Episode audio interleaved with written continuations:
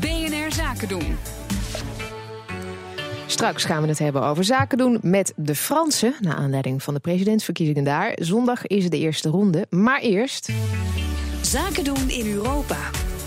We zakken ietsje zuidelijker af, namelijk Zuid-Spanje in dit geval. Want met de meivakantie voor de deur komen cijfers naar buiten over het aantal boekingen voor de komende weken. En wat blijkt? 70% meer boekingen voor Spanje. En dat blijkt uit cijfers van vliegtickets.nl. We gaan erover praten met Sander Klomp, eigenaar van Hotel Casa de, la, de las Mercedes in Malaga. Buenos dias. Buenos dias, goedemorgen. Goedemorgen. Een hotel met zeven kamers heeft u en uh, u verhuurt ook nog appartementen. Hoeveel Nederlanders zitten er uh, op dit moment? Ik heb op dit moment in het hotel uh, twee van de zeven kamers bezet door Nederlanders. En appartementen ook twee appartementen van de negen die we verhuren. Oké. Okay. Um, dus bij u is het, uh, is het nog wel een redelijke mix. Het is niet zo dat de Nederlanders. Dus procentueel gezien is twee op de zeven natuurlijk best hoog. Ja. Um, over het algemeen hebben wij ja, een mix tussen inderdaad voornamelijk Noord-Europeanen. Um, ja, op dit moment merken we wel dat het meer Nederlanders zijn. Hoe komt dat, denkt u? Ik denk door de, de een van de redenen zal zijn de, de, de, de situatie in Turkije. Um, kijk, we hebben natuurlijk uh, in Spanje over het algemeen een iets stabielere situatie dan bijvoorbeeld in Turkije uh, op het moment uh, is. Of, of nou ja, vorig jaar was het, was het de situatie in Egypte, Tunesië.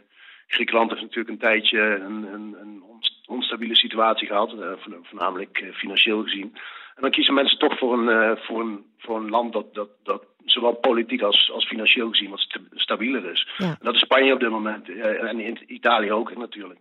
Maar willen die mensen dan eigenlijk liever naar een andere bestemming? U zei het al, Tunesië, Egypte, Turkije. En ja, helaas komen ze dan in Spanje uit omdat het net wat veiliger is. Ja, dat denk ik niet.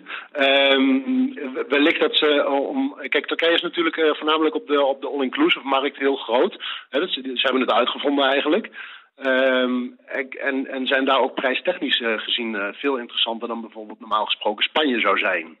Ja, ja dus u bent vooral je... veel duurder, maar die mensen ze ja, kiezen nu in ieder geval voor een wat stabielere. Uh, veel, veel duurder zou ik niet zeggen, maar het is wel, ja. Spanje is wel over het algemeen gezien iets duurder dan, dan Turkije, inderdaad. Ja. Kan het ook uh, een beetje te ver doorslaan als je omringd wordt door Nederlanders? Je gaat natuurlijk naar het buitenland eventjes weg van alles om uh, ja, tussen de locals te zitten. Nee, dat klopt. Uh, je ziet zeker in een stad als Barcelona, waar, waar nu waar vorige maand een wet is aangenomen, ehm, dat er niet meer um, horecabedrijven bij mogen komen. En dat is puur en alleen omdat omdat het doorslaat naar, naar te veel. Hè? Dus op een gegeven moment wordt het inderdaad negatief. En dan, dan ja, in een, in een centrum waar geen locals meer wonen, ja, daar wil je als toerist ook niet zijn. En dat heeft in Barcelona natuurlijk ook te maken met de opkomst van Airbnb. speelt dit zich ook al op een wat misschien kleinere schaal af in Malaga? Uh, nou, Malaga is wel uh, een stad een, enorm in opkomst. Hè. Vijftien jaar geleden was het echt een grijze havenstad waar je naartoe ging om, uh, om het vlie om, om waar je landde op het, op het vliegveld om, om verder te gaan naar Marbella of Sevilla of een andere nou ja, een plek aan de Costa del Sol. Mm -hmm. sinds, sinds die jaar is daar een enorme verandering in gekomen. Uh, Malaga is echt een enorme stad, een museumstad op het moment. Het is helemaal, uh, het hele centrum is altijd vrijgemaakt. Het is echt een enorm, enorme een stad in, in opkomst. Zeker op het gebied van, van stedentrips. Um, ja, en ik hoop uiteraard dat het, dat het hier niet dezelfde kant op gaat als in Barcelona. Ik merk dat ik de verkeerde keuze heb gemaakt, want ik ga volgende maand landen op Malaga. En dan snel weer door om vervolgens ergens anders een weekje te fietsen. Maar ik begrijp dat ik ja. beter in Malaga had kunnen blijven. Het is nou jammer. Misschien ben je nog op tijd.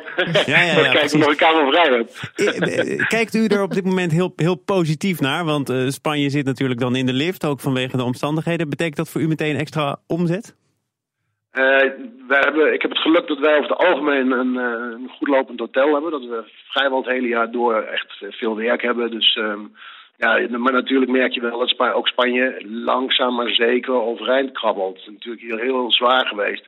Ik kwam in 2009 in, in Spanje, het hoogtepunt van de crisis bijna. Um, en je merkt wel dat het nu ja, toch langzaamaan begint op te krabbelen en weer beter begint te gaan. En, en waarom bent u juist in het dieptepunt naar Spanje vertrokken dan? In een toeristische sector gaan werken? Ja, ja ik, ik kon hem... Ja. Ik, ik, u deed mee aan een televisieprogramma en u moest wel. nee, uh, het, het, was voor mij puur, ik kon een baan krijgen en ik werkte toen nog in loondienst. En ehm, als ik als ondernemer was gegaan, dan had ik het misschien niet gedaan. Maar ik, ik kon toen een baan krijgen en ja, dan moet je toch af en toe een risico nemen. En dat heeft voor mij alleen maar goed uitgepakt. en om ons hier even te pijnigen, het weer op dit moment bij u? het is sinds vandaag een klein beetje winderig. Hè? Uh, Nederlandse omstandigheden. ja, nou, maar nog steeds 20 graden. geloof ik. En, uh, en 20 graden geloof ik. Ja, zie je dus, wel. Hartelijk dank. En uh, succes de komende vakantieperiode. Hoteleigenaar Sander Klomp vanuit Malaga. BNR Nieuwsradio. BNR Zaken doen.